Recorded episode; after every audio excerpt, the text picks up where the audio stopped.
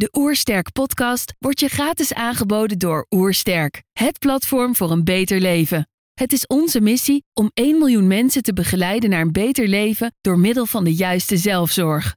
Wil je weten hoe jij kunt werken aan een beter leven? Ga dan naar www.oersterk.nu slash gezondheidscheck voor onze gratis gezondheidscheck en krijg direct jouw uitslag met persoonlijk advies. Mijn naam is Charlotte Labé en je luistert naar de Oersterk podcast. Je hebt een druk bestaan en je wordt vaak geleefd. Je lijf en geest zoeken rust omdat je alles maar geeft. Goed nieuws, dit is jouw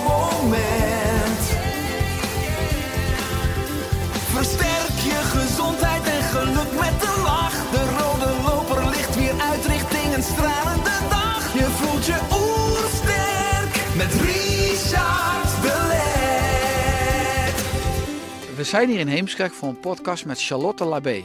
Charlotte was vroeger model en presentatrice, maar is nu expert op het gebied van het brein en mindset. Ze is auteur van het boek Brain Balance. Ik ben benieuwd naar haar tips voor een beter leven. Trouwens, geniet je van onze podcast? Abonneer je dan en laat een reactie of review achter. Zo help je ons om het gezondheidsvirus te verspreiden. Let's start! De Oersterk Podcast. Een ontdekkingstocht naar een beter leven. Charlotte, welkom. Dankjewel. Uh, ik lees op je website: vergroot je breinkennis en ga met een nieuwe mindset aan de slag. Nou, vanuit je achtergrond als model en presentatrice, hoe ben je gekomen nu tot deze missie? Nou, als je me vijf jaar geleden had gevraagd wat ga je over vijf jaar doen, uh, dan had ik niet gezegd, dan uh, ben ik inmiddels, heb ik me verdiept in de werking van ons brein. Maar er is best wel wat aan vooraf gegaan. Want inderdaad, model, presentatrice, onderneemster. Um, maar er is een periode geweest dat het met mij persoonlijk niet zo goed ging. Ik heb vier en een half jaar geleden, langer nog, vijf jaar geleden, baarmoederhalskanker gekregen. Best wel in een heftig stadium, twee keer aan geopereerd. En ik was altijd degene die zei: kom en doorgaan en niet opgeven. En um, ja, gewoon schouders eronder mm -hmm. en gaan.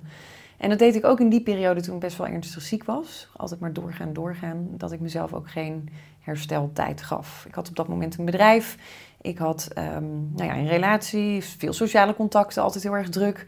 En ik was ook altijd de gangmaker zeg maar, van het stel. Ik wilde altijd ook wel gezelligheid leveren en heel erg sociaal. En, nou ja, fijn. Op een gegeven moment merk je dat het jezelf een beetje opbreekt. Dus ik had heel veel stress, veel um, slapeloze nachten. Het ging met mij, mijn gezondheid nog verder achteruit. Dus baarmoederhalskanker ben ik van hersteld naar twee operaties. Uiteindelijk ben ik zwanger geworden van ons zoontje Sky. Die is nu bijna inmiddels vier. En Sky was net geboren en toen brandde ons huis helemaal af. Dus um, ja, dan is je veilige basis, wat zo belangrijk is als mens, verdwijnt in één keer onder je voeten al je spullen zijn weg. En dan kun je zeggen, het zijn maar spullen. Maar ook die spullen creëren een veilige basis. Dat als je thuis komt, dat je denkt, oké, okay, hier kan ik ontspannen en hier kan ik tot rust komen. Je had helemaal niets meer? Dat was er niet meer. Nee, helemaal niks meer. Dus um, gelukkig natuurlijk nog wel mijn man en mijn kind. En dat is het belangrijkste. En in die tijd, we zijn alle twee ondernemer, draaiden de bedrijven gewoon door. En die hadden ons ook nodig. Dus je hebt en bedrijven te runnen, kindje van drie weken, waar je ook nog aan moet wennen als ouders zijnde. Uh, een huis op te bouwen, nou, nieuwe spullen verzamelen, wat het hoog nodig is, wat belangrijk is.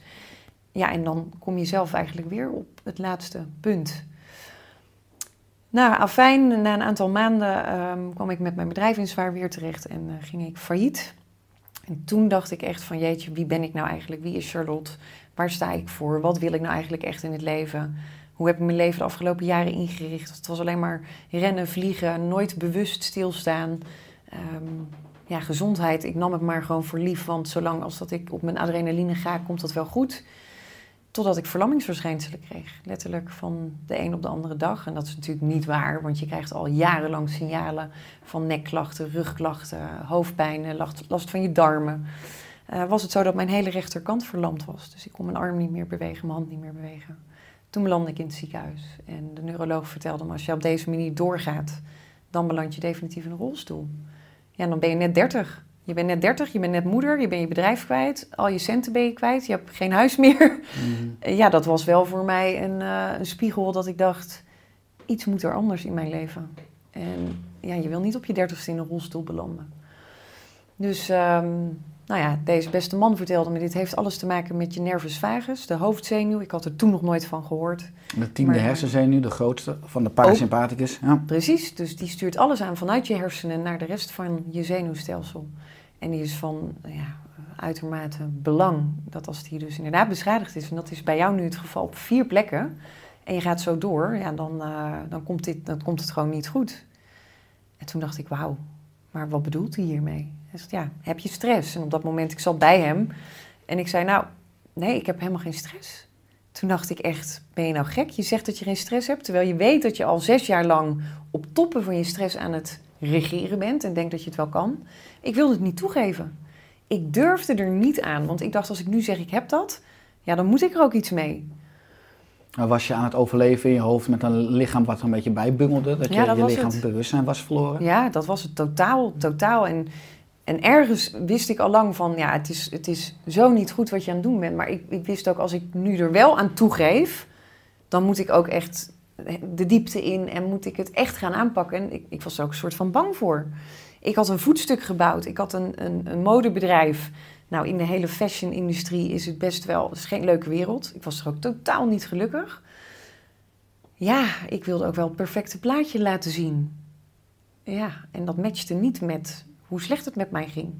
Dus als mensen aan me vroegen, "Goh, hoe gaat het nou met je? Dan zette ik maar een pokerface op en ja, nee, het gaat goed. Terwijl van binnen ging ik stuk, ik ging kapot. Ik was zo ongelukkig. Mhm. Nou ja, en dat leidde dus uiteindelijk inderdaad tot die verlammingsverschijnselen. En dat was voor mij echt het keerpunt dat ik dacht, oké, nu moet je hier iets mee. Maar ja, waar begin je? Wat moet je gaan doen? Ehm, stress, nervus vagus, hersenen, dat is wat ik had meegekregen uit het gesprek. Denk, nou, dat moet ik, gaan, ik moet het gaan opzoeken, ik moet erover lezen, ik moet erover gaan leren, ik moet gaan begrijpen hoe werkt dat systeem. Dat is begin 2017 geweest dat Dus- je het roer omgooide. Ja, toen gooide ik inderdaad echt het roer om. En dacht ik, ja, dit, eh, dit moet ik anders gaan doen. Nou ja, fijn. Dan ga je lezen. Nou, op internet heb je allerlei experts en iedereen zegt iets anders. En de een spreekt de ander tegen dat je denkt, ja, ook heel verwarrend voor een leek. Ehm, dus ik ben opleidingen gaan volgen. Echt in eerste instantie om gewoon mijn eigen systeem te gaan begrijpen. Want ik dacht, dit gaat mij nooit meer overkomen. Ik wil als mens zijnde in balans kunnen functioneren. Ik wil weer iets vinden waar ik blij van word. Want dat was ook verdwenen. Normaal stond ik altijd op en had ik creativiteit en was ik, had ik de energie en nou, oplossingsgericht.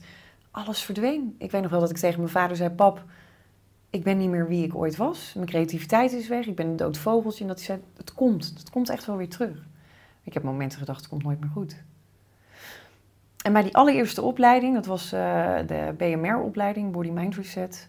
Toen dacht ik: Wauw, dit is super interessant. Waarom heb ik dit niet geleerd op school? Waarom wist ik dit niet? Dat er, dat er een onderbewust systeem is, maar ook een bewust systeem. Dat je dat kunt gaan aansturen en dat voeding daar iets mee doet. En ah, ik vond het fantastisch. Nou, en uiteindelijk NLP gedaan, NCE, vanuit de neurowetenschappen gaan studeren, ortomoleculaire geneeskunde.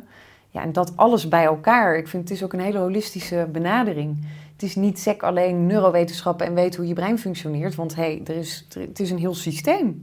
En het een werkt samen met het ander. Ja, dus jouw zoektocht is primair zoektocht geweest om jezelf beter te willen be- of te kunnen begrijpen en ook te kunnen helpen en te kunnen helen. Ja, En eigenlijk met al die inzichten en die kennis en die expertise eh, gebruik je nu om uiteindelijk andere mensen te begeleiden en Ja. ook te kunnen helpen eigenlijk in dat proces waarvan je zegt, waar als je online zoekt of met al die experts die, elkaar- nou ja, die het niet met elkaar eens zijn vaak, is een soort grote vergaarbak wat mensen zelf moeten uitzoeken en wat veel mensen onrust geeft. ja, precies. Uh, als je dan kijkt nog voor 2017, uh, dat je zegt uh, een pokerface, ik, ik leefde misschien wel in een soort gouden gevangenis. Ja. Van buiten was ik enorm succesvol en had ik misschien het perfecte plaatje, maar van binnenuit was er veel conflict en ik voelde me niet gelukkig. Uh, en uiteindelijk dan toch de durf en de moed hebben om dat uiteindelijk ook naar buiten toe te brengen. Is dat een lastig pro proces geweest of was je gewoon ja, zo ver uit balans met je rug tegen de muur dat je geen andere keuze had? Nou, beide. Ik vond het een heel lastig proces, want, want je moet natuurlijk ook een stukje door je eigen ego heen. Hè? Dus, dus letterlijk dat voetstuk wat ik gebouwd had, ja, daar, daar kukel je keihard vanaf. En naar je vrienden en naar je familie. En ik merkte vooral, ik wilde het ook zo goed doen naar mijn ouders toe. Um, toch die bewijsdrang als kind zijnde. Dus natuurlijk allemaal heel erg logisch geprogrammeerd in dat brein wanneer je dat weet. Maar op dat moment wist ik dat niet. En dat altijd maar doorgaan, dat is ook iets wat ik van thuis uit geleerd heb. Onbewust, dat hebben mijn ouders nooit bewust gedaan van nou, als we dat doen, dan beland jij lekker op je dertigste bijna in een rolstoel. Maar wel ja, de, de, het niet opgeven en zelfstandig willen zijn. En ik vond het ook onwijs moeilijk dat ik toen eh, afhankelijk werd van mijn man. Terwijl ik bedoel, je bent getrouwd, je hebt een kind, je hebt een huishouden, dus er is niks mis mee. Maar dat was ergens in mijn brein, dat klopte niet. Dus ik had een, nog steeds een intern conflict. En tegelijkertijd was er ook, ik denk dat onderbewuste systeem die toch sterker was en, en doorgeduwd heeft van, maar je bent hier voor een missie. Je hebt een missie en je hebt dit cadeau gekregen om uiteindelijk anderen dit te geven, want het is hard nodig. Ja. En, en dat gaf mij zoveel kracht en energie. En eh, nou, dat, dat voel ik vanaf dat moment iedere dag in iedere vezel van mijn lijf. Ja. Dat ik denk, ja, dit is. Ik bedoel, we stevenen met z'n allen, niet alleen nu in, in de hele ja, coronacrisis waar we in zitten, is natuurlijk ook al een, een bewustwordingsproces. Van ja, hoe belangrijk is gezondheid en wat kun je er zelf aan doen? En een goede mentale balans nu. Mentale balans ook. Ik bedoel, de hele social distancing is natuurlijk voor ons brein niet iets waar we heel erg gelukkig van worden. Dat kan voor een aantal weken, maar als we inderdaad misschien wel gaan nadenken over we moeten een jaar lang uh, afstand houden. En het is iets heel raar voor dat brein. Dat brein wil het liefst in een sociale groep. Die wil connecten, die wil kletsen, die wil quality time. Dat is waar wij gelukkig van worden. Ja. En als je kijkt naar de afgelopen jaren, naar natuurlijk de hele wereld die zo snel doordraait, zijn we dat stuk ook wel kwijtgeraakt. We zijn heel individualistisch geworden, ook door die telefoon en door de laptop. En ja, het groepsgevoel is toch wel een beetje verdwenen. Ja, absoluut. Ik ga zo wat meer in ook op je concept en je, broek, uh, je boek qua brain balance. Als je nog kijkt naar, eigenlijk kreeg je nou, allerlei alarmsignalen hè, Ja. rond je dertigste. Uh, ik hoor je zeggen, de modewereld was geen leuke wereld, is ook uit balans. Uh, jouw loopbaan begon rond je 17 als model in Milaan. Dus je hebt nou, in ieder geval misschien 13 jaar ook in een, in een, in een mode-fashion wereld heb je veel ervaringen opgedaan. Waaraan kon je merken dat die wereld of ook personen die in die wereld werken uit balans zijn? Maar zeker ook, tenminste de perceptie die ik heb, misschien is dat ook een aanname, is dat je natuurlijk uh, veel ook knappe modellen alsnog heel erg onzeker zijn en continu obsessief op ja, misschien een ongezonde manier bezig zijn met hun lichaamsbeeld, met Ja. voeding en leefstijl. Maar ja, ik dat is weet iets niet- wat gebeurt. Ja, dat is, dat is helaas is dat de realiteit. En ehm, ik, heb, ik heb maanden in Milaan gewoond en waar je eh, tien castings per dag, eh, soms wel vijftien per dag moet bezoeken. En eh, daar heb je te blauwe ogen, daar zijn je ogen te groen, daar ben je te blond, daar heb je, zijn je ogen niet rond genoeg.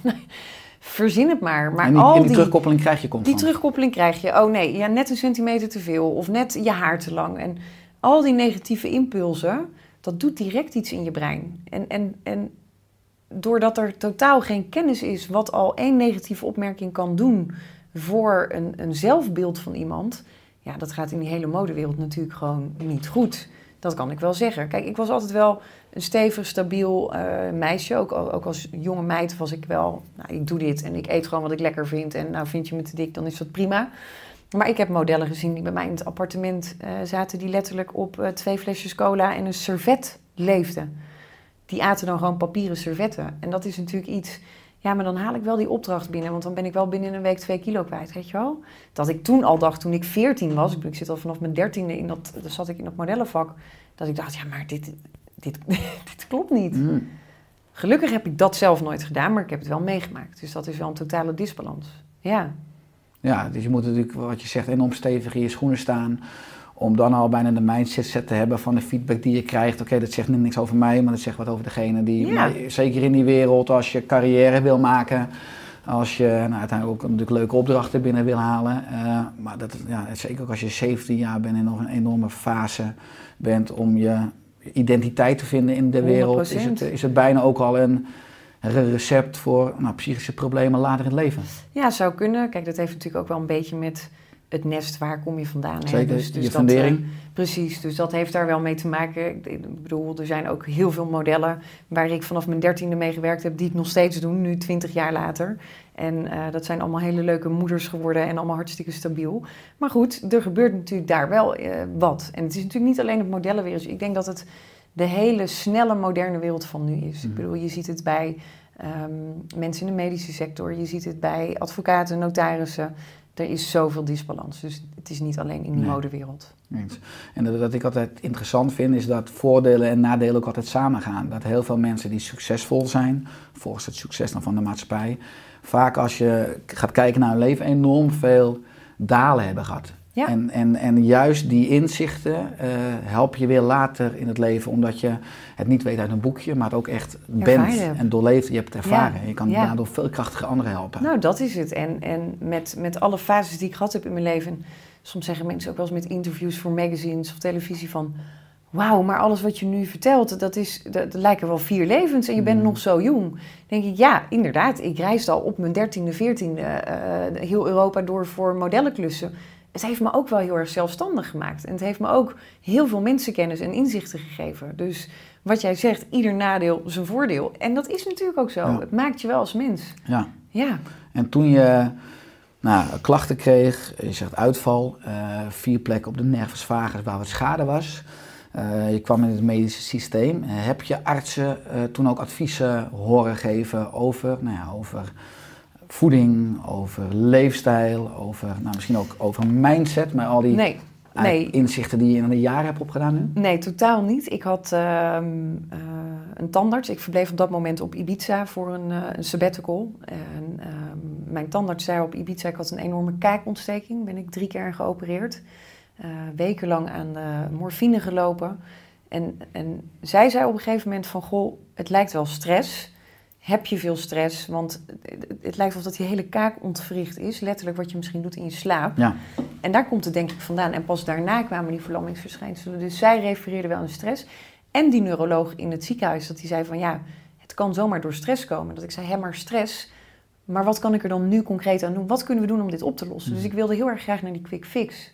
En hij zei wel letterlijk, je moet kijken naar je lifestyle. Want ik geloof dat het daarin ligt. En dat vond ik wel achteraf heel uniek. Want ehm, ik heb wel een aantal coaches en psychologen in mijn vriendengroep.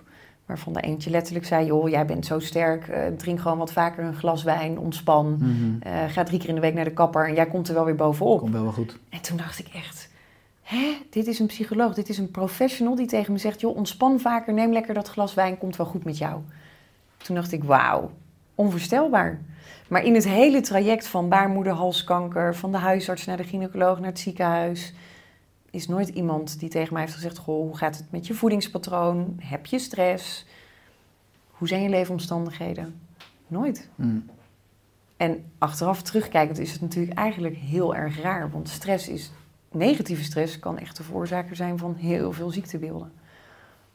Ja, absoluut. Ik denk dat de wetenschap ook steeds meer laat zien dat eh, chronische stress op dit moment de belangrijkste oorzaak is van welvaartsziektes. En ja, eh, wat je inderdaad ook schrijft op je website, want ik lees, heb, eh, al, al die inzichten hebben geleid tot je boek Brain Balance. En ik lees op je website, Brain Balance is de sleutel voor meer geluk en gezondheid. Hoe is het de sleutel? Nou ik geloof als je leert begrijpen waar je brein je tot aanzet. Dus eh, het altijd maar presteren, het gezien willen worden, ehm, het goed willen doen voor anderen en daarmee jezelf dus wegcijferen. Dit zijn maar kleine grepen uit wat er kan voortkomen, maar dus ook onzekerheden, faalangsten. Dat ontstaat vanuit een bepaalde programmering vanuit je brein. En aangezien wij totaal niet weten wat er in die data opgeslagen is in onze eerste acht jaar bijvoorbeeld van het leven, wat bepaalt hoe dat jij handelt, denkt en reageert in de rest van je leven. Wauw, als we daaraan gaan sleutelen en we gaan letterlijk kijken welke data zit daarin, nou, dan kun je dus gewoon op een gegeven moment een heel brein gaan programmeren. En dat is niet zo makkelijk, maar we kunnen het wel door de neuroplasticiteit. Toen ik daarachter kwam, toen dacht ik: oké, fantastisch. Je kunt alles over de psychologie leren, je kunt alles bedenken en allerlei coachingstrajecten doen, maar wanneer je dat brein niet verandert, verander je dus ook fysieke processen niet. En blijf je eigenlijk in een soort van malle molen doorlopen. En dat is wat ik van zo ontzettend veel mensen ook hoor van ja, ik loop al drie jaar bij een psycholoog, ik loop al bij, ik heb zes psychiaters gehad. En het blijft hetzelfde, want je brein blijft doen wat hij al jaren doet, mits dat je dat verandert. Dus die neurale netwerken moeten we anders gaan inrichten. Mhm. En dan krijg je dus ook een andere actie en reactie. Ja, Nou ja, daarbij zijn je darmen ook super belangrijk. Hè? Dus dat is ook echt de ortomoleculaire hoek. Nou, daar weet jij natuurlijk ook alles vanaf. de darm-breinas. Darm-breinas. Dus die twee functioneren met elkaar ehm, en, en kunnen eigenlijk niet zonder elkaar. Dus daarom is brain food Voeding voor je hersenen, zo belangrijk. Ja. We zijn altijd bezig met voeding om dat lijf hè, gezond te houden. Veel mensen zijn bezig met voeding van, nou dan val ik iets af, of dan zit ik wat strakker in mijn vel, of dan krijg ik wat meer spieren. Of... Maar er is nooit iemand die tegen me zegt, ja maar ik eet dit, want dan heb ik een scherpere focus. Of dan zit ik mentaal lekkerder in mijn vel, of dan ben ik gelukkiger. Dat is letterlijk wat die voeding voor je brein doet. Massaal hebben we voedingsstoffen tekort voor onze hersenen. En dat vind ik echt... Ja, ik vind eigenlijk dat ehm, hulpverleners nooit een, een hulpverlening concept, of hoe zeg je dat, een coachingsprogramma kunnen opzetten zonder maar naar voeding te kijken. Het is essentieel. Ja, wat ik zo mooi vind ook aan jouw concept is dat als je erover nadenkt, eh, bestaat ons brein natuurlijk uit be- bepaalde bouwstenen, onder andere vetten en eiwitten. Waar ook weer neurotransmitters en andere stoffen van gemaakt worden, wat ook terugkomt in je boek en je concept. Eh, en daarvoor moeten we dingen eten. Ja. Hè, wat je zegt, gewoon eh, breinvoeding. We Ja. kunnen het niet inademen. Hoewel zuurstof ook belangrijk Heel is voor, belangrijk, voor het ja. brein. Eh, aan de andere kant kan je ook kijken naar een soort mentale voeding. Wat je zegt, we hebben iedere dag 60, 80.000, 110.000 eh gedachten. er zijn verschillende publicaties over. Eh, en veelal komen die voor uit een bepaalde conditionering in de eerste 7, 8 jaar van het leven. Hè. Ons, Ja. ons brein is een soort black, eh, black box. We hebben allerlei data in waar we vaak onbewust van zijn. En wat de mens uniek maakt, en dat is misschien ook een negatief kenmerk, is dat bijna eh, Noah Harari, ook het boek, auteur van Ja. het boek Sapiens, Ja, die zegt bijna alle dieren worden geboren als geglazuurd aardewerk en, en, en een, mensenkind wordt geboren als gesmolten glas. We kunnen het iedere kant op spinnen. We kunnen het eh, boeddhistisch maken. Eh, we kunnen het eh, nou, eh, eh, laten, zeg maar, laten smeden richting geweld Ja, en oorlog. Alle en, kanten op. Ja. en, en als je nou kijkt ook, ook naar mijn eigen ontwerp. Veel mensen hebben negatieve overtuigingen. Hè. Ik, ik ben niet goed genoeg. ik word niet gehoord. eh, ehm, er wordt niet van me gehouden. Dat is, misschien is dat wel de basis. Misschien wel belangrijker dan wat je eet. Omdat je daar continu iedere dag onbewust aan Maar denkt. En je bevestigt het. Dus je gaat steeds meer geloven dat het misschien waar is. En dat het klopt. Terwijl ja, en dat gebeurt onderbewust. Dus Ja. mensen weten niet eens dat dit proces er is. Precies, hoe, hoe kan je mensen daarbij helpen? Want ik denk Ja. ook zeker mensen die luisteren of kijken. Ik denk, we hebben allemaal onze thema's. Allemaal, maar iedereen heeft ehm, opgeslagen data die misschien van toepassing was toen jij vijf of zes jaar oud was, maar die nu, wanneer je 45 bent, 55, 32, maakt niet uit, niet meer van A, deze tijd zijn en B, niet bij jou horen als persoon. Maar die zitten wel erin en dat is het allereerste referentiekader wat jouw brein automatisch pakt. En dat is dan jouw waarheid. Ja, en dat is wel, ja, daar lopen mensen gewoon echt massaal tegenaan. Mhm. Het niet weten hoe werkt dat brein. En dat is, ja, ik vind het zo interessant. Ik, ik lees zoveel onderzoeken ook van echt van de neurowetenschappers. Ik zit ook regelmatig aan tafel met verschillende neurowetenschappers. En die zijn natuurlijk heel erg specifiek bezig met, oké, wat doet stress met het geheugen bijvoorbeeld? Of wat doet stress met je vruchtbaarheid? Ja, fantastisch. Maar ik wil dat, dat grote geheel, wat zo, zo onaantastbaar is, dat wil ik tastbaar maken voor de mensen. Omdat ik zeker weet dat we, nou, ik geloof dat we daarmee 50% van alle mentale ziektes minimaal kunnen gaan oplossen. Ja. Maar is er een simpele oefening, ik weet het niet hoor, maar ik vraag het toch, eh, waarop mensen al eh, wat meer balans kunnen krijgen in hun overtuigingen of in hun mindset? Nou, een simpele oefening, kijk, dat is. Mensen vragen natuurlijk altijd van ja, oké, maar wat kan ik concreet nu doen Ja. om, om dat dan te veranderen? Ehm, er zijn heel veel oefeningen en we gaan er zo meteen wel even eentje doornemen. Bijvoorbeeld dankbaarheid is er één. Of even teruggaan naar een moment waar het heel fijn was. Het kan door middel van een fotoboek. Dan stuur je je brein dus al bewust aan. Je pakt dat fotoboek, je gaat erin bladeren. Je krijgt een fijne gedachte. Dus er verandert iets in die hele biochemie van dat brein. Je maakt andere neurotransmitters aan, andere hormonen. Je gaat je beter voelen en daarna sta je veel sterker weer in je leven. Alleen iedere dag een fotoboek erbij pakken of iedere dag je dankbaarheid, dat zijn mooie tools om te doen, maar het verandert niet direct ja, die neurale netwerken. Dus eigenlijk willen we er naartoe van, oké, maar wat is dan die trigger die jou in die disbalans haalt? Bij mij was dat dus echt, ik heb van mijn vader geleerd, meisje, je moet altijd door blijven gaan en als jij hard genoeg werkt, dan kom je er wel.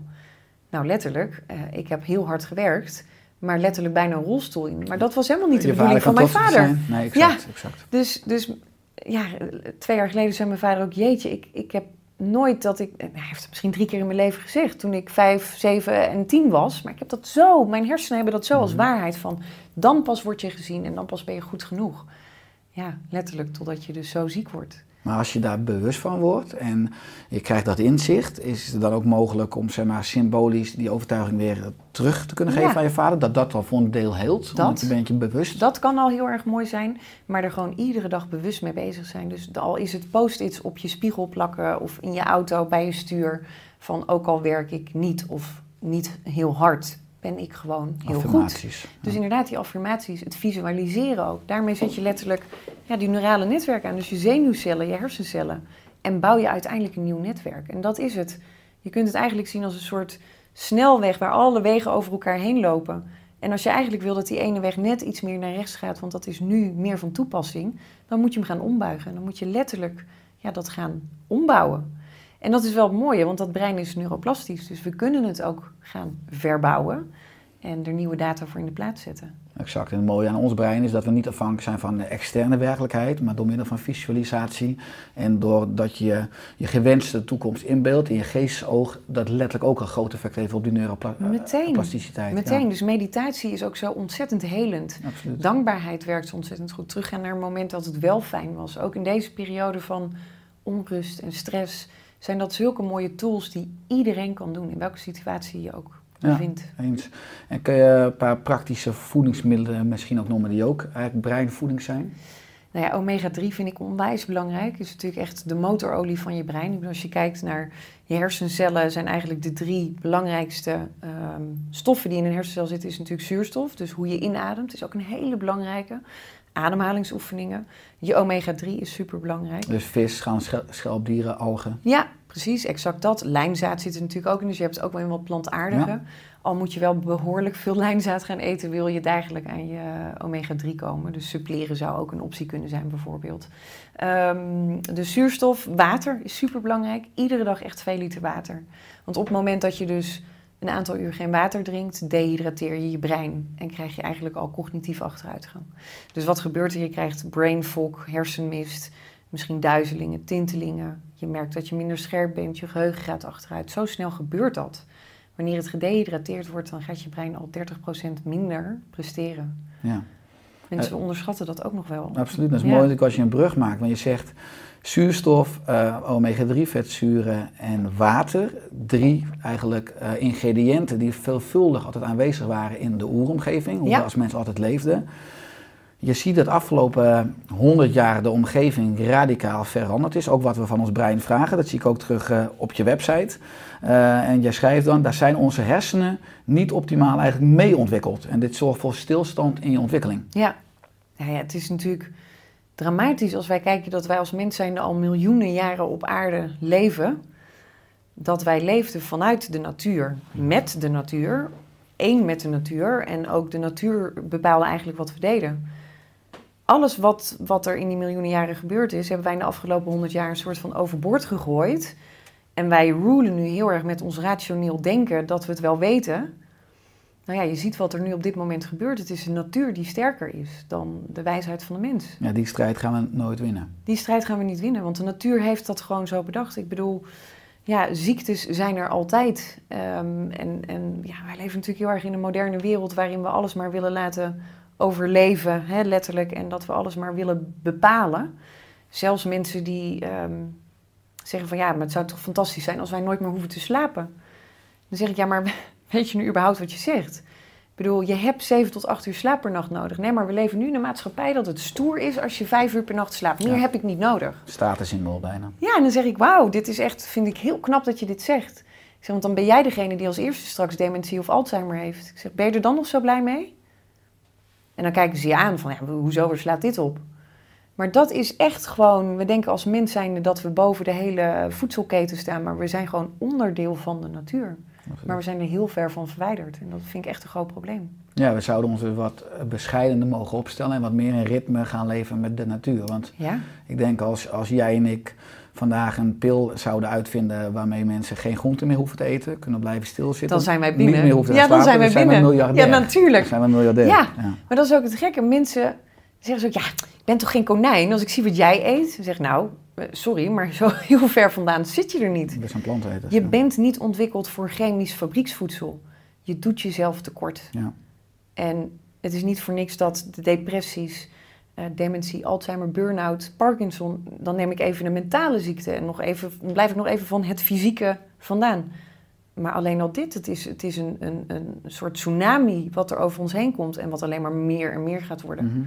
En dat we totaal geen belang hebben aan het mentale stukje. Ik bedoel, mensen zijn 120 gram groente, dan doen ze het al goed.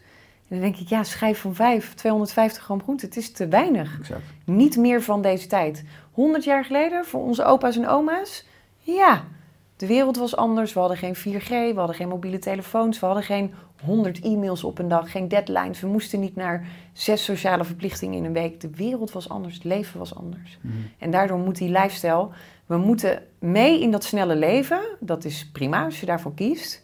Maar dan zorg er dan ook voor dat je dus flexibel bent om dat bij te kunnen benen. Ja. En dat is dus een mismatch. Dus die wereld verandert, dat blijft ook veranderen.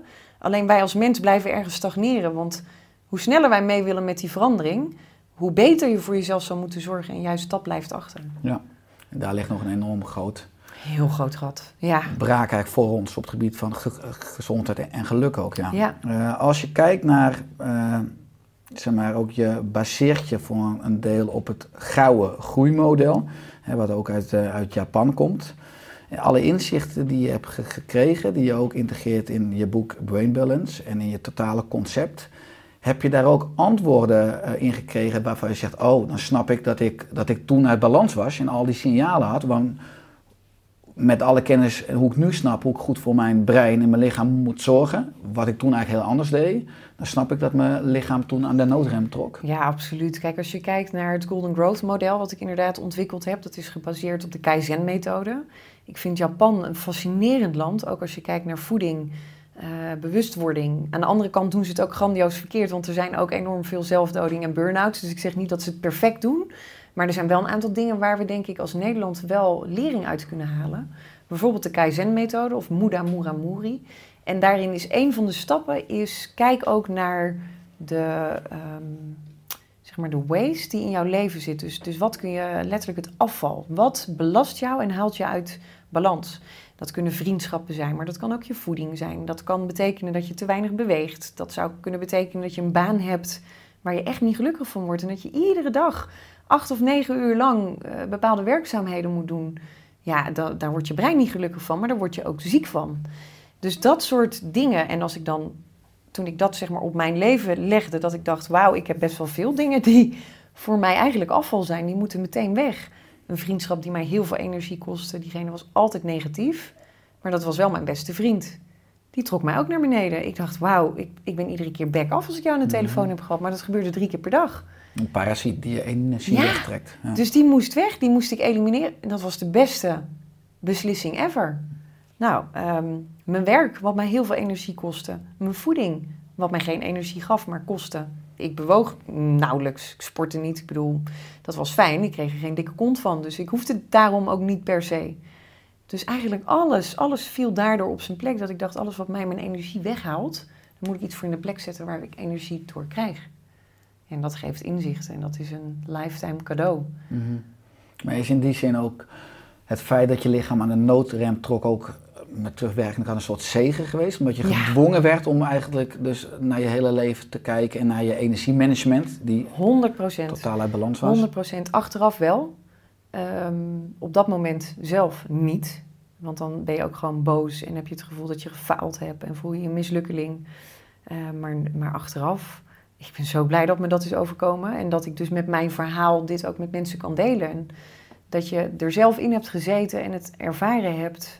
Dat zeggen mensen ook van ja, maar wauw, wat jij zegt, dat ervaar ik en dat voel ik. En inderdaad, nachtenlang wakker liggen en last van je nek en van je schouders. Dat hoeft niet, want als je in balans bent, dan heb je dat niet. Mhm. En als ik dit nooit had ervaren, had ik hier nooit zo over kunnen vertellen. En dan was ik me er ook nooit in gaan verdiepen. Maar het is wel interessant, vind ik altijd, als je kijkt naar ons brein en hoe kunnen we het brein in balans krijgen, dat we ook bepaalde evolutionaire erfenissen hebben. Bijvoorbeeld het feit dat we als mens graag in de comfortzone blijven, Ja. graag in die omstandigheden blijven die we al kennen. En dat het een paradox is dat we daardoor soms onbewust kiezen voor bekend en ongelukkig. In Ja. plaats van het onbekende, maar daar wel je geluk vinden. Dus eigenlijk is durven te zeggen, ik stop met deze baan. Want acht uur inderdaad, ik, ik krijg iedere maand mijn loonstrookje. Maar ik geef bakken energie weg en mijn collega's verschrikkelijk. Of ik, ik, ik ga eindelijk eens scheiden van die partner die een klootzak of een trut is. Die me al jaren onderuit haalt Ja. en me nooit steunt. En, maar fijn, ik weet wel wat ik heb. Het is wel veilig. Ja, maar Dus dat is het, hè? dat angstsysteem is zo sterk. we zijn, nee niet vaak, we zijn bijna altijd onze eigen rem. Ja, Hoe, hoe kunnen we daar ja nou kijk, omgaan? als we kijken naar de hele evolutie van het brein, ehm, is eigenlijk het eerste protocol wat je brein doorloopt. Hè. Het brein heeft verschillende protocollen die die doorloopt wanneer die keuzes voor je maakt. En dat gebeurt allemaal echt in, nou ja, eh, minimale eh, split seconds. Ehm, is dat eerste systeem is, is letterlijk het angst- en stresssysteem. Dus wanneer er inderdaad maar onzekerheid kan komen in, nou ja, kan ik mezelf nog wel onderhouden? Ehm, ben ik wel veilig als ik die beslissing maak? Of wordt inderdaad mijn partner zo boos dat het een onveilige situatie wordt? Zou ook nog eens kunnen. Het referentiekader van thuis uit meegekregen van zorg dat je altijd alle schaapjes op het droge hebt. Hè, ga geen rare dingen doen. Vindt dat brein het heel erg lastig om dus inderdaad risico te nemen. Want ja, de kans dat je dan misschien niet overleeft is aanwezig. En daar stuurt het brein in, in alle beslissingen eh, op aan dat je de juiste beslissingen neemt, die dus eigenlijk helemaal niet juist zijn voor je, maar voor je brein op dat moment wel. En dat, is, dat zorgt ook wel voor een conflictmodel, want dan weet je het rationeel, weet je het misschien wel, maar je onderbewuste systeem wil nog niet helemaal mee. Ja, en dat bepaalt wel 95% van hoe we handelen, voelen en reageren. Dus we moeten veel dieper dat onderbewuste systeem in. Wil je dus inderdaad iets kunnen veranderen? Alleen wij zitten heel erg in die bewustwording, in die 5%. En daarom blijven we doen wat we doen. Terwijl de hele gewoonte, patronen en, en, en eh, ja, je, je human habits, hoe zeg je dat? Eh, Je gewoontes. gewoontes, Ja. die zitten helemaal in die onderste laag van jouw onderbewustzijn. Dus je moet veel dieper, wil je dat kunnen gaan veranderen. Ja, en het is vaak ook wel een basisvoorwaarde dat we voor voldoende ontspanning zorgen. Dat we ook een goede uitleiding krijgen van ons eerste brein. Tenminste, dit noemen we het eerste brein. Dus onze hersenen, Ja, ons hart en onze buik. Hè? Want, Ja. want soms maak je een juiste keuze met je, met je kop, Ja. cognitief, rationeel. Soms met je hart ja, en soms met je onderbuik. Tenminste, laat ik zo misschien wel vaker met je buik en je hart dan met je, met je hoofd. Ja. En als je chronische stress hebt, dan, dan, dan, dan leven mensen natuurlijk ook meer uit hun hoofd. En dan maken ze ook misschien meer verkeerde keuzes. Ja, kijk, als je chronische stress hebt, dat is natuurlijk al lang bewezen, dan presteert je brein gewoon eh, niet meer zoals die zou moeten presteren. Dus je gaat misschien 20, 30, 40 procent inleveren van de capaciteit wat die normaal zou doen wanneer je ontspannen bent. En daarin zie je de hele maatschappij. Als ik vraag in mijn lezingen wie heeft er stress, dan is dat 98 procent van de zaal steekt hun hand op. En dan denk ik, wauw, 98 procent van de zaal is Ja. hier nu dus rationeel minder intelligent dan wanneer je die stress niet zou hebben. En daar schrikken mensen van. Als je zegt van ja, maar oké, maar negatieve stress wanneer het chronisch is, en dat hebben heel veel mensen, dan werkt je brein niet meer zo goed voor je en kun je niet meer de juiste beslissingen nemen. Dan ga je gewoon op je oersysteem en dan ga je inderdaad uit angst regeren. Nee, maar dat doe ik toch maar niet. En dat geeft je dan geen geluk. Reactief, ja. Als je kijkt naar een gezond brein, ik zie dat je ook op YouTube daar verschillende video's natuurlijk ook eh, over hebt, kun je enkele tips geven om ervoor te zorgen dat ons brein gezonder gaat functioneren. Ja, absoluut. Ik zag Ehm, namelijk tip 1, skip the ends. Ja, Skip the Ends. Ja, die is van ehm eh, Dr. Daniel Amen uit Amerika. Die een beste man heeft inmiddels, zegt hij, 85.000 hersenscans gemaakt. En ik vind het fascinerend hoe hij ehm, nou, 10, 15 jaar geleden ook echt wel als visionair daar bijna letterlijk de brandstapel op werd gegooid door eh, de reguliere artsen en neurowetenschappers. En dat hij zoveel mooie inzichten geeft ook over dat brein. En inderdaad, skip the ends is letterlijk automatic negative thoughts. Dus de automatische negatieve gedachten. En dat zijn net mieren, hè? Ends. Dus ik vind dat een hele mooie vergelijking wat hij ook eh, heeft gemaakt. We zitten in een soort van modus. En iedere dag hebben we vaak dezelfde gedachten. Ja, als we dat weten te doorbreken, ja, dan kun je in één keer ja, die switch gaan maken. En dat brein anders inrichten. Maar hoe doe je dat al door er gewoon minder naar te luisteren? Ja, maar het is natuurlijk heel makkelijk gezegd dan gedaan. Hè? Dat, ehm, dat weet ik nog uit mijn periode, dat ik echt heel negatief was en het eh, nou, bijna niet meer zag zitten. Dan kun je zeggen, ja, nou nu denk ik er even niet aan, maar dan een seconde later zijn ze er weer. Dus zo simpel is dat niet. Maar met die tools die ik net zag, dus een fotoboek pakken, daar naartoe gaan, fijne herinneringen. Je brein kan maar één gedachte tegelijk hebben. En soms lijken het er wel honderden tegelijk, omdat ze gewoon in secondes komen en gaan. Maar wanneer je bewust gaat aansturen, kun je dus dat onderbewuste eigenlijk wel een beetje de baas gaan Je worden. kan niet dankbaar en bang zijn. Dat kan. Tegelijkertijd. Dus is onmogelijk. Kijk, en hoe negatiever natuurlijk een gedachte is, Mhm. hoe negatiever de activatie op al jouw cellen is. Dus niet alleen in je hersencellen, maar ook in je lichaam. En hoe zwakker je immuunsysteem gaat worden en hoe sneller je ziek wordt en hoe meer je stress gaat krijgen. En dan zit je in de visueuze cirkel. Nou, dat wil je doorbreken. Bewegen, super belangrijk. Iedere dag bewegen. Wanneer je dus negatieve gedachten hebt, wanneer je dus merkt, ah, ik zit er mentaal, ik zit er niet helemaal lekker in vandaag, ga naar buiten, wandelen, snel wandelen, laat die telefoon thuis. Of zet een fijne meditatie op en zet verder dat je niks binnenkrijgt aan berichten. Skip die telefoon eens een keer voor een dag. We zijn zo gefocust op die telefoon en maar met iedereen in verbinding staan, behalve echt met jezelf. Dus we willen met iedereen geconnect, maar het connecten met dat hele interne systeem, nee.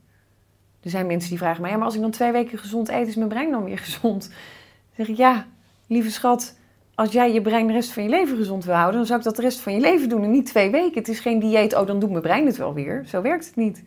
Dus connect met die interne ja, biochemische fabriek. Ben je bewust dat er zoveel radartjes en al die miljarden cellen dag in dag uit zo hard voor jou aan het werk zijn?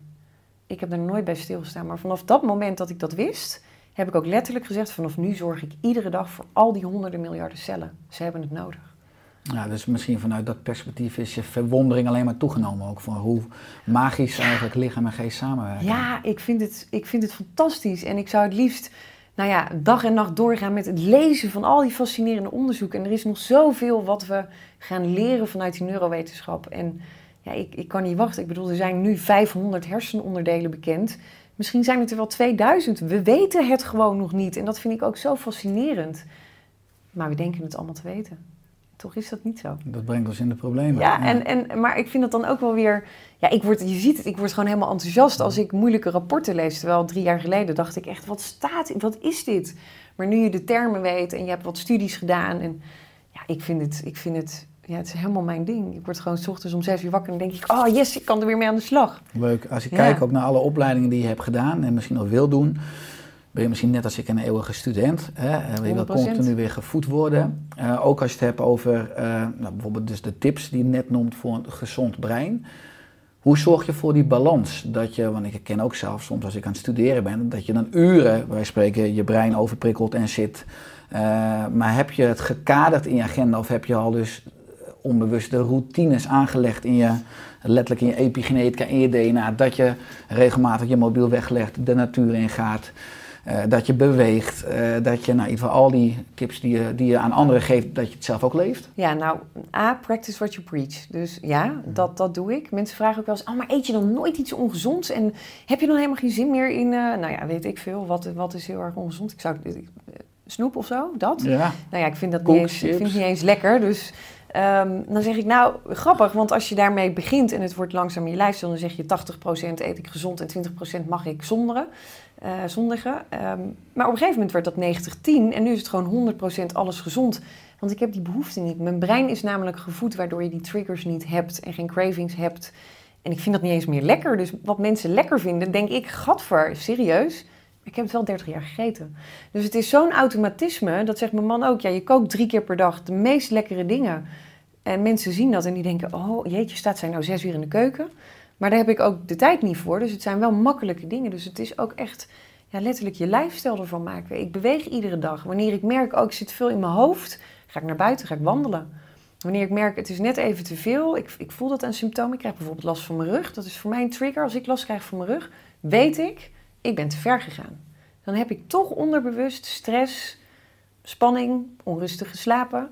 Nou, dan ga ik meteen alles in de balans. Ik ga lekker veel bewegen. Ik ga met die hond naar buiten, lekker knutselen met mijn kind. Dat is natuurlijk heel creatief zijn, is heel belangrijk voor je brein. Dat zijn we ook allemaal verloren. Creativiteit. Juist schilderen, knutselen, breien, dat soort dingen. Daar wordt je brein echt heel erg blij van. Ja. Dus voor 80% heb ik het eh, nu in mijn DNA. En die 20% zit ik er wel eens naast. En dan eh, moet ik het bewust tegen mezelf zeggen om te doen. Ja, want het is natuurlijk wat je noemt, eh, dat je steeds gezonder bent gaan eten tot 100 en 0. Wat mij altijd fascineert is dat nou, ik zeg maar, heel veel mensen zijn uit balans en een heel klein deel is in balans. Zeg Ja. ook als je, het zegt, als je het mensen vraagt en hoe ze het zelf antwoorden. Als we bepaalde voeding eten, bijvoorbeeld een salade of een kop soep, dan zie je dat het effect heeft op eh, de darmbacteriën, op het microbioom. Die maken vetzuurtjes aan, dat gaat om het bloedbaan, gaat ook naar de hersenen, waardoor je meer trek krijgt in soepes en salade. Ja. Terwijl als je veel eh, frisdrank drinkt of donuts of bewerkte suikers, dan heb je relatieve toename van de negatieve darmbacteriën. Onder andere ook LPS in je bloed gaat naar de hersenen, waardoor je relatief weer meer trek krijgt in ongezond voedsel. Dus eigenlijk wat je eet, houdt het ook in stand eh, dat je eigenlijk hetzelfde blijft eten. Of het nou ongezond is, dan werkt het eigenlijk het systeem zich tegen je.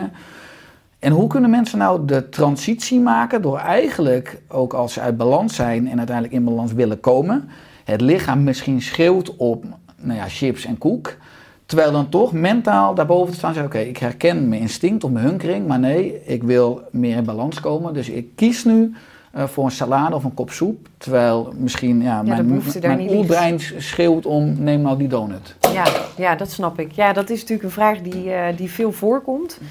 Eh, wat ik mensen dan probeer mee te geven is dat stukje zelfinzicht van oké, op het moment dat je dus die craving hebt naar iets vets of iets zouts of iets zoets, dan ligt daar nog iets onder, de oorzaak. Ik zeg altijd ga naar de oorzaak. Kijk, gevolg is dat je zegt van oh, ik wil die zak chips of ik wil dat snoep of ik wil inderdaad emotie eten.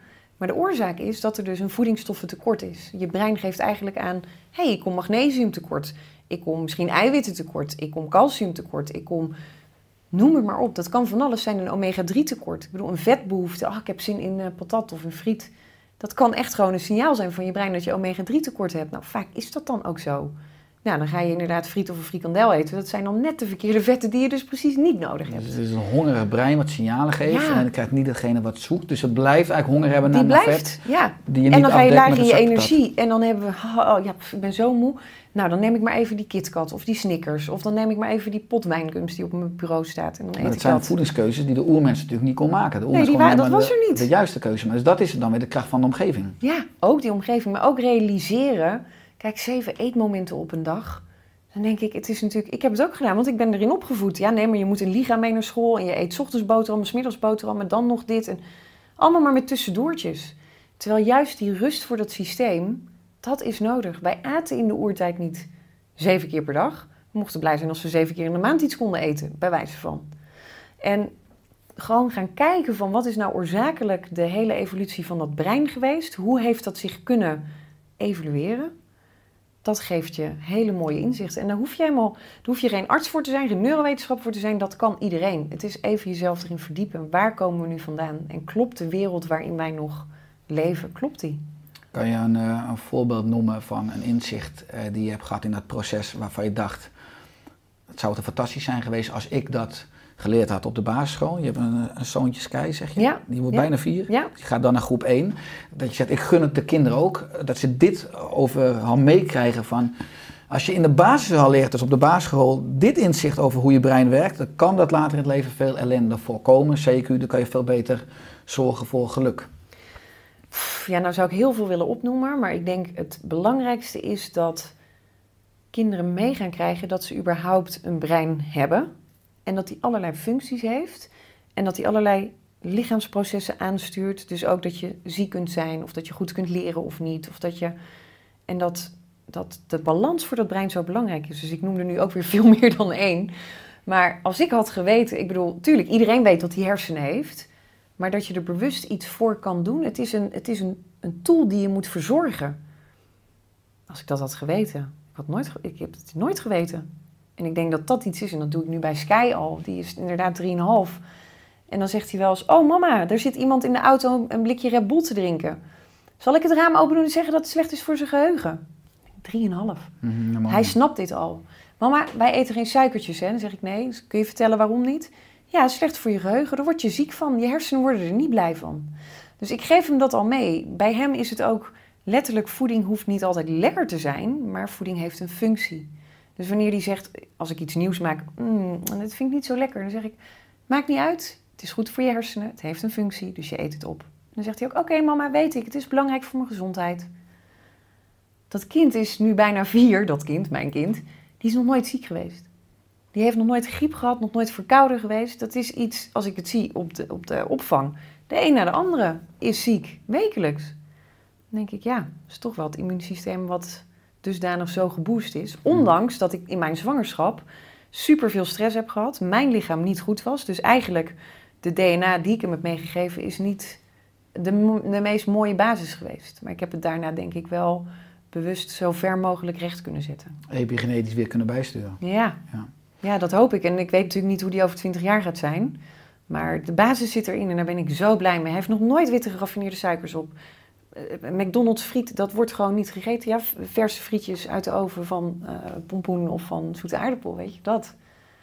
Nou, Ja. De grap is, ik herken heel veel van wat je zegt. En wij, ik heb twee zoons, Noah is 9 en James is 1. We hebben zeker bij Noah het ook tot zeker 4, 5 goed kunnen doen. Alleen de uitdaging kwam pas echt toen hij ook bij vriendjes en vriendinnetjes gaat lunchen. Of in ieder geval in de, in de, op de, in de klas met VA-dagen. Maar fijn, dat, is, eh, Ja, dat, dat was... dat gaat nog gebeuren. Ja, dat dat, is natuurlijk dat gebeurt. En ik zie het nu wel op verjaardagen. Dan staan er bakken snoep. En eh, ik bedoel, wij hebben ook vrienden die echt niet in dit bewustwordingsproces zitten. En dan, dan loopt hij erheen en dan zegt hij... eh, dit is allemaal suiker, hè? Dan zegt hij tegen degene die de verjaardag viert. ja, dat is suiker. Weet je hoe slecht het is voor je geheugen? Ik hoef dit niet, hoor. En dan zit iedereen op die verjaardag die lacht. En die kijkt mij aan van... jouw kind is gebrainwashed. En dan denk ik... maar wel op de goede manier. mhm, Dan ben ik zo trots op hem. mhm. Dus ja, dat stimuleer ik dan maar Ja, op die leuk. manier. Maar, er komt voor jou een nieuw boek aan over brainfood. Hè? Ja. Over juiste voeding voor het brein. Vinden mensen het lastig om jou ook uit te nodigen uh, zeg maar, voor een etentje? Um, nou, ik, ik vierde laatst zelf mijn verjaardag en inderdaad een diner bij ons thuis gegeven. Um, en dan, heb je, dan hoor je vooral achteraf van, ja, oh ja, ik vond het wel even spannend wat we gingen krijgen. Want ja, dat is natuurlijk allemaal gezond. Of ik het lust. Ja, ja maar het was inderdaad alleen maar met groenten gemaakt en, en bloemkool uit de oven en allemaal lekker. En dat iedereen zei, mag ik die recepten? Want dit was, dit was echt heel lekker en het is heel gezond. En ik voel me ook gewoon heel goed. Dus dat is wel zo inderdaad. En ja, tuurlijk zitten we ook wel eens in restaurants met vrienden. Dat ik dan zeg, nou doe maar vier bakjes groenten bij het visje. Want je krijgt dan uh, één worteltje erbij. Dat is natuurlijk niks. Dat vrienden dan ook zeggen, oh komt zij weer met de gezondheid. Zeg ik, ja, daar ben jij straks jaloers op. Geloof me. Achteraf denk je, had ik het ook maar gedaan. Mm -hmm. Dus ja. We gingen laatst met het team uiteten. En uh, dan vroeg ik ook een uh, bakje groenten erbij. Terwijl die... Uh, die degene die ons bediende zei, ja, maar er zit ook wat groente op het bord, hè? Bij, bij, de vis in dit geval. Ik weet vaak hoe weinig het is. Ik zei, nou, doe het toch maar. Voor mij hadden we, we waren met z'n, met z'n acht uit eten, dan vier bakjes groenten erbij. Maar er waren echt zulke kleine groentebakjes. Ja. Dus toen had ik er nog 15 bakjes bij besteld. En hij dacht dat ik een grap maakte. Want het, het is natuurlijk nog no, no, nooit voorgekomen dat iemand uh, 20 bakjes groenten. Maar puur vanuit het effect inderdaad dat ik gewoon veel groenten wil eten. Ja. En uh, hoe Ja. belangrijk dat, dat is. En prima, liefst de patat of de aardappelen inderdaad mogen wat mij betreft ook in de keuken blijven. Maar ik heb liever gewoon Die veel groenten. groenten. Ja. ik zie dat bij die kleine ook. Dan zeg ik, wat wil je eten? Zeg ik, oh, broccoli, wortels, bloemkool. Of maak lekker die groentetaart, mama. Of maak je weer zo'n lekkere soep. En dan zitten vriendinnen er soms bij en dan zeggen ze... Dat wil ik ook met mijn kind. Dit, want dit, dit kan dus gewoon. Dan zeg ik, ja, maar dit is ook programmering van het brein. Het is maar net wat je erin stopt, ook als ouders zijn. En Ja. dat krijg je eruit. En als wij in een restaurant zitten, dan zeg ik, nou, doe maar een kinderportie. Maar doe maar gewoon zo'n bord met groenten. Zegt die ober, maar voor hem? Zeg ik, ja, maar dat is echt heel veel... Doe nou maar, dat eet hij op. En dan gaat het hele bord leeg met groenten. En dan komt echt, dan komt soms de kok uit de keuken. Maar hoe kan dit? Heeft hij dit op? Ja, hij eet gewoon 500 gram groente per dag. Mm. Een kind van drie. Ja, iedere dag. Ja, mooi. Ja. ja, aan de ene kant dus als je uh, leiding wil hebben over je leven, dan moet je natuurlijk leiding hebben over je gedrag, zou je kunnen zeggen. En gedrag komt groot deel voor uit je brein. Dus je ja, die programmatie. Leiding ja. hebben over je brein, je programmatie en ook, uh, ook voeding. Ik moet zeggen dat ik uh, mijn geneeskundeopleiding deed. In het tweede jaar van geneeskunde ben je ook op de snijzaal en dan mag je een schedel openzagen. En dan uh, heb ik hersenen in mijn handen gehad. Maar ja, als ik nu terugkijk, toen was ik nog helemaal niet per se bezig met het Nee. brein en mindset. En toen was ik veel meer bezig met anatomie en pathologie afwijkingen. En dat we de juiste, in ieder geval hersengebieden moesten prepareren of de juiste zenuwen. Uh, dus, dus ik zou bijna wel weer een keer de Terug willen, willen, vanuit ja. dit. Maar dan wil ik mee. Ja, dat leuk. Ja. Dan gaan we samen. Misschien kunnen we iemand vinden die dat... eh, Nee. Maar dat kunnen we regelen. De podcast, eh, pas op wat we zeggen. Nou, er, Ja, er is zeker een kans. Uh, maar als we dat ook voor kinderen zouden doen, dat zou natuurlijk magisch zijn. Dus op anatomische les, dat ze letterlijk en breder een hele lichaam, een inkijk kijken in een handleiding. Dat je bij ieder orgaan, alvlees, klier wat kan vertellen over, uh, nou, over frisdrank of over suiker, over de Ja, maag, over de darmen, slaap. lever. Ja. En dat je al die leefstijl, al die brein-lichaam componenten, zodat kinderen ook eigenlijk veel meer verwondering en fascinatie krijgen voordat ze gewoon een... Uh, Maar dat is echt, dat is mijn droom om uiteindelijk, en misschien moeten we dat wel samen gaan doen, of met een collectief, mm -hmm. om een, een, een soort van brain balance of, of life balance klas te gaan maken voor alle scholen. Die gewoon iedereen, wat, wat iedereen vanaf nu gaat krijgen, zeg maar. Letterlijk, je hebt toch van die tekeningen dat je dus die puntjes moet connecten. Mhm. Maar dit is je lijf, weet je. Je hersenen, naar je darmen, naar je alvleesklier, naar... naar alle, het moet geconnect worden. En pas wanneer die cirkel goed rondloopt en hij blijft vloeiend... dan kun je als mens de grootste hoogtes bereiken en gelukkig zijn en gezond zijn. Ja. Maar wanneer er maar één disconnectie ontstaat, dan loopt het hele proces niet meer goed. En dit moeten kinderen gewoon weten. Ja, we hebben zelf eh, laatst een zelfzorgabonnement gelanceerd. En per iedere inschrijving gaan we ook één kind toegang geven tot een eigenlijk nu een hele online lespakket op het gebied van hoe ons lichaam werkt. Wat we nu aan het ontwikkelen zijn. Dus als we elkaar kunnen aanvullen, Super, heel, super. heel graag. Eh, Ja. en, want dat is uiteindelijk ook mijn missie om de aarde vitale door te geven aan de volgende generatie. Het is zo belangrijk, want Ja. het houdt een keer ergens op, hè? Ja. En wij hebben jonge kinderen. En wat gaat er de generaties daarna gebeuren? Ik bedoel, is, is waar we nu in zitten, is dat de soort van oerknal die we nodig hebben? Of gaat er, gaat er misschien nog iets De gebeuren? coronacrisis. Nou, absoluut. Ik denk dat de bewustwording nu radicaal aan het toenemen is op het gebied van geluk, gezondheid, zelfzorg. Dat gezondheid en geluk het echte kapitaal zijn. En dat succes dat in de is het. economie pas, hè, dat zie je nu ook eh, pas later komen. Ja, Maar uiteindelijk ben ik natuurlijk een groot voorstander van preventie. En dat begint ook allemaal in de basis bij onze kinderen. Ja. La- laten we daar gewoon al leren wat geluk, eh, gezondheid, vitaliteit is. En, eh, ja. Kijk, in de Scandinavische landen doen ze dit, hè? Daar lopen ze zo ver voor en dan hebben ze veel kortere lesblokken. Dus max 40 minuten met altijd beweging Ja. erin. Hier verwachten we dat ze gewoon 6, 7 uur lang alleen maar aan het blokken zijn. Maar dat brein kan het helemaal niet. nee, En dan doen we niks tussendoor. En dan krijgen ze suikerbommetjes als tussendoortjes. ja. brood met pasta of hagelslag. En, en, dan, en dan om één uur, dan, dan, dan stopt dat brein ermee. Mhm. En dan vinden ze het gek dat ze dus kinderen ADHD krijgen. Dat ze zich niet kunnen concentreren. Dat ze gaan irriteren. Ja, Ja, nee, verander absoluut. iets aan de oorzaak. Ja. Wat is nou die oorzaak? Absoluut eens. Nou Ja. ik denk dat de revolutie in volle gang is, maar helaas nog iets te veel van onderaf en nog iets te weinig van Het bovenaf. gebeurt te langzaam. Ja. Het moet sneller gaan. Ja. En ik denk ook echt wel dat eh, de overheid kan hier een hele grote ehm, ja, vinger in de pap hebben. En ik, ik, vind, het, ik vind het bijna eh, van belang dat dit ook gaat gebeuren. Of het Hmm. is van belang, maar ja, je zou gaat- het bijna moeten eisen. Het gaat gebeuren. Het gaat Ja. gebeuren. Eh, als je kijkt naar, nou ja, wat ik zeg, vanaf 2017 gooi je het roer om. Wat is in die jaren nou het gekste dat je hebt meegemaakt? Het gekste wat ik heb meegemaakt. Ehm, Je bent af en toe ook eh, in nationale media. Je was eh, laatst nog in eh, Ladies Night. ja, dat vind ik allemaal niet zo heel erg gek. Maar ik bedoel, je, hebt denk, natuurlijk, ja, je bent op heel veel fronten actief. Ja. Ja, ik denk het, het, dat is niet zozeer het gekste, maar het, het bijzonderste van mijn werk is dat ik dagelijks e-mails krijg van mensen. Soms zit ik gewoon te janken achter mijn computer en dan ben ik echt niet zo heel erg zoetsappig of heel erg emotioneel, maar letterlijk dank e-mails van ik ben nu bij twee lezingen geweest, ik heb je boek gelezen en ik heb mijn leven omgegooid, ik ben gestopt met die relatie, ik heb een andere baan genomen en ik ben echt gelukkiger dan ooit, had ik dit maar 30 jaar geleden geweten. Ja, dan maak je mij niet gelukkiger. Want dat is uiteindelijk het doel ook wat ik voor ogen heb. Dat mensen het zelf kunnen gaan doen en niet meer afhankelijk zijn van die hele ja, maatschappelijke radar en, en het maatschappelijke aangeleerde gedrag. Daar moeten we vanaf. En dat is zo dankbaar, dat werk. Ja, ben ik Ja. gewoon gelukkig. Mensen moeten uiteindelijk nou ja, hun eigen weg, hun eigen pad, hun eigen nou ja, droom eh, durven leven zonder al die conditioneringen die eerder afremmen dan, dan ons dienen. Ja, en het is natuurlijk ook niet, niet raar. Hè? Kijk, als, je, als ik nou mezelf als voorbeeld neem. Ik heb inderdaad op mijn vierde iets geconditioneerd in mijn brein. Nou, ik ben nu 34, 30 jaar later. Laten we eens even kijken naar die wereld. Die is al intens veranderd. Dus met de beste bedoelingen van mijn ouders en van mijn leraren van toen... die me willen voorbereiden op de toekomst. Alleen die toekomst, da- daar kun je iemand Hmm. niet op voorbereiden. In die zin, ze moeten het zelf gaan doen. En zo schreef ik laatst ook een artikel van... 30 jaar lang hebben mijn ouders er alles aan gedaan om een mooi mens af te leveren. En ik doe er nu al vier jaar over om dat zeg maar af te breken en het opnieuw op te bouwen. Ja, En zo werkt het. ja, dat is het leven, een levenslang proces ook. Een levenslang proces. Het is niet even. Nou, wat is je droom en je missie voor aankomend jaar, komende drie jaar? Mijn droom en missie is miljoenen mensen bereiken over dat ze überhaupt een brein hebben waar ze eh, bewust aansturing aan kunnen gaan geven. Die kennis kunnen gaan delen met mensen waar ze ook echt bewust mee aan de slag gaan. Dat is natuurlijk een hele lastige, want het brein doet toch iets anders. Doe je dan Ehm. miljoenen mensen in Nederland en België of ook internationaal? Nee, internationaal de hele wereld, want ieder mens heeft hier recht op. Dus het, ik leg het niet aan grenzen. Mooi. En daarnaast, ik zou heel graag echt een, een schoolproject willen starten. Dat is echt een stichting of iets voor de scholen, voor de jonge kinderen. Ehm, ja, want daar begint de verandering. En voor mezelf, ik zou heel graag echt nog wel me helemaal goed willen verdiepen in de epigenetica.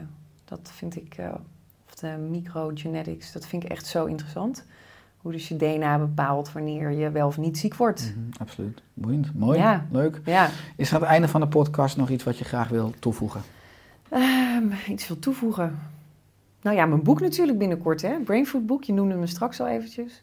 Begin mei online eh, gaan we die dan lanceren. Vanaf september is die er uh, fysiek. Ja, daar ben ik nu mee bezig, dus ik zit daar helemaal in. Dus we hebben 80 recepten inmiddels. En uh, nou ja, bijna informatie voor drie of vier boeken. Dus dat is ook wel weer veel schrappen. Maar dat is leuk. leuk. Ja.